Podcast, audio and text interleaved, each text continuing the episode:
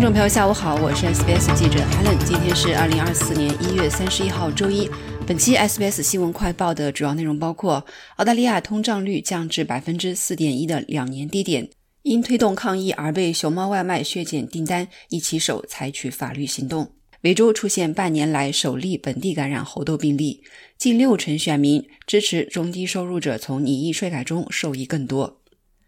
澳大利亚十二月季度的年通胀率降至百分之四点一，这对希望不再加息的借款人来说是个好消息。澳大利亚统计局消费者物价指数 CPI 从九月季度的百分之五点四放缓至百分之四点一，降幅超过预期。而季度通胀率由九月季度的百分之一点二降至百分之零点六。澳大利亚统计局价格统计主管马夸特说：“这是自二零二一年三月以来的最小季度涨幅。”他解释说：“虽然大多数商品和服务的价格继续上涨，但年度通胀率已经从二零二二年十二月的峰值百分之七点八降至了二零二三年十二月的百分之四点一。”经济学家原本预计十二月份的整体通胀率将达到百分之四点三，而季度通胀率将达到百分之零点八。这些数据将为二月六日举行的二零二四年首次现金利率会议做好准备。储备银行可能会重视通胀脉搏减弱的证据。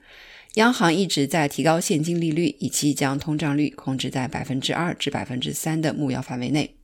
熊猫外卖的骑手们向公司总部递交了诉求书，内容涉及日益恶化的工资待遇以及他们所称的越来越大的压力，即必须在不切实际的期限内完成送货任务，而这危及了他们的生命安全。其中一名骑手卓英王正向公平工作委员会对熊猫外卖公司提起法律诉讼，声称他因为推动抗议活动而被削减了外卖订单数量。周三的这次抗议活动是与运输工人工会共同组织的。此前，熊猫外卖将摩托车骑手的基本送货费从七澳元降至四澳元，将自行车骑手的基本送货费从六澳元降至五澳元。在此之前，二零二二年发生了一起具有里程碑意义的工伤赔偿案。熊猫外卖的骑手陈小军在工作中丧生，其家属因此获得了八十四点四万澳元的赔偿。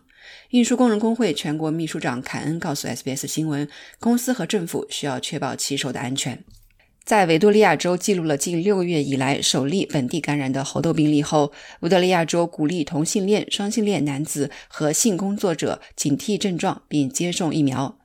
最新病例与国际旅行无关，这表明可能发生了本地传播。维州的代理首席卫生官克里斯蒂安·麦格拉斯警告说，每年的这个时候，维多利亚州的旅行和骄傲游行等活动都会增加，因此在这个时候对症状保持警惕尤为重要。他在周三的一份声明中说：“如果您出现症状，我们的建议是待在家里，限制与他人接触，并与您的全科医生或最近的性健康服务机构预约。”这种疾病的常见症状包括皮疹、皮损或溃疡、发烧、发冷、肌肉疼痛、淋巴结肿大和喉咙痛。该病毒主要通过与感染者长时间的身体接触或亲密接触传播。澳大利亚研究所一月下旬进行的一项调查发现，百分之五十八的选民支持中低收入者从拟议的税收改革中受益更多。只有百分之二十五的联盟党选民和百分之三十三年收入超过二十万澳元的澳大利亚人希望保持莫里森政府最初立法时的政策。支持完全废除减税政策的受访者要少得多，近三分之一的受访者表示不确定或不知道。澳大利亚研究所的执行董事理查德·丹尼斯说：“这表明，在这项由一千零一十七人参与的调查中，所有税阶的选民都认为最初的计划是糟糕的经济政策。”好了，感谢收听本期的 SBS 新闻快报，我是记者 Helen。欢迎您在苹果播客或 Spotify 搜索“新闻快报”，点击订阅，开启消息提醒，即可了解澳洲国内外新闻及社区信息。